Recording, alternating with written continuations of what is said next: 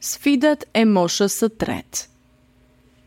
Popullsia e vendit po tkurret nga viti në vit, por brenda totalit grupmosha deri në pesëmbëdhjetë vjeç po tkurret me shpejtësi, teksa ajo mbi gjashtëdhjetë e pesë vjeç po rritet me shpejtësi. Të dhënat tregojnë se në të ardhmen do të kemi më tepër moshë të vjetër. Në të kundërt rritja e popullsisë mbi gjashtëdhjetë e pesë vjeç do të vërë përpara një sprove të re infrastrukturën e vendit, e cila nuk dihet nëse do të jetë gati.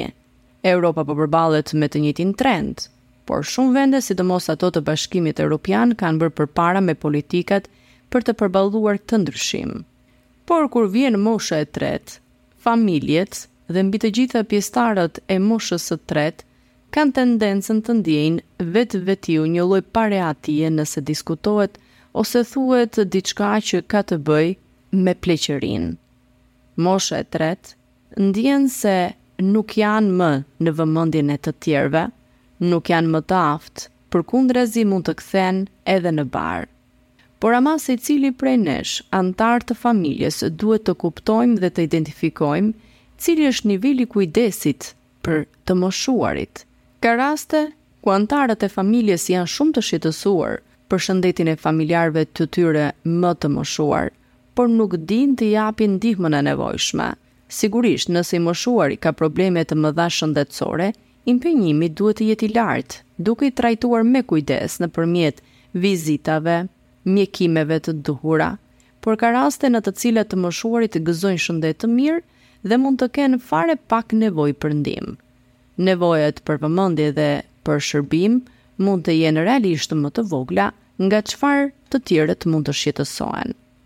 Pavarësisht disa problemeve shëndetësore, i moshuari mund të ketë më tepër nevojë për shoqëri, për të shëtitur më shumë jashtë shtëpisë, për t'u përfshirë më shumë në aktivitete, për të komunikuar dhe për t'u dëgjuar pak më shumë. Mos i izoloni të moshuarit, kur në të vërtetë ata kanë ende fuqi dhe dëshirë të qëndrojnë në këmbë dhe të jenë sado pak aktivë edhe nëse kanë probleme shëndetësore. Madje në të tilla raste, angazhojini edhe në procese pune në shtëpi të tipit mund të gatuajnë, mund të vendosin pak rregull, të ndihmojnë nipërit dhe mbesat në detyrat e tyre.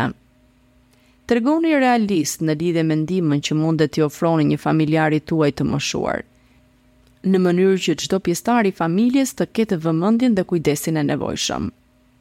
Familjet duhet të kujdesen për njëri-tjetrin. Kjo do të thotë se të gjithë anëtarët duhet të përpiqen të japin kontributin e tyre për përmbushjen e detyrimeve dhe përgjegjësive. Ashtu siç synohet të edukohen fëmijët që të marrin përsipër detyra dhe përgjegjësi, Në të njëjtën formë, të gjithë pjesëtarët e familjes duhet të mbledhin forca dhe të japin kontributin e tyre personal në kujdes dhe vëmendje nëse në gjirin e tyre kanë një person të moshës së tretë. Dikur, gjyshi apo gjyshja ka bërë çdo sakrificë për të kujdesur, për të rritur, për të edukuar. Tani është radha e më të rinjve ta marrin përsipër këtë përgjegjësi. Nëse ndjeni të nevojshme të merrni ndihmë gjatë kujdestarisë, patjetër mund të përfshini në këtë proces motrat ose vëllezërit, pse jo edhe ndonjë kujdestar nëse është e nevojshme, por gjithashtu nëse është edhe e mundur nga aspekti ekonomik. Dhe kërkoni ndihmë.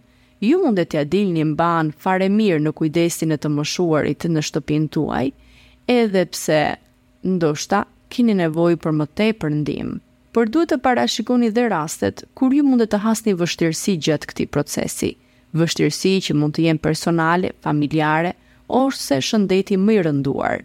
Ndodh që në kohët e sotme të gjithë pjesëtarët madhorë të familjes duhet të jenë të angazhuar me punë për të krijuar të ardhura dhe për të ruajtur standardet e jetesës.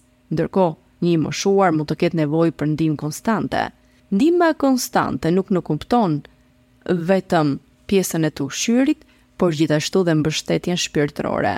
Mbi të gjitha është e nevojshme që pjesëtarëve të moshuar në familje t'u ofrohet në mënyrë të vazhdueshme dashuri, respekt dhe vëmendje. Ata meritojnë gjithë vëmendjen tuaj sepse janë familje dhe mbi të gjitha njerëzit që kanë kontribuar në të shkuarën që të krijojnë individin që ju jeni sot. Mos i braktisni ata, por bëni më të mirën.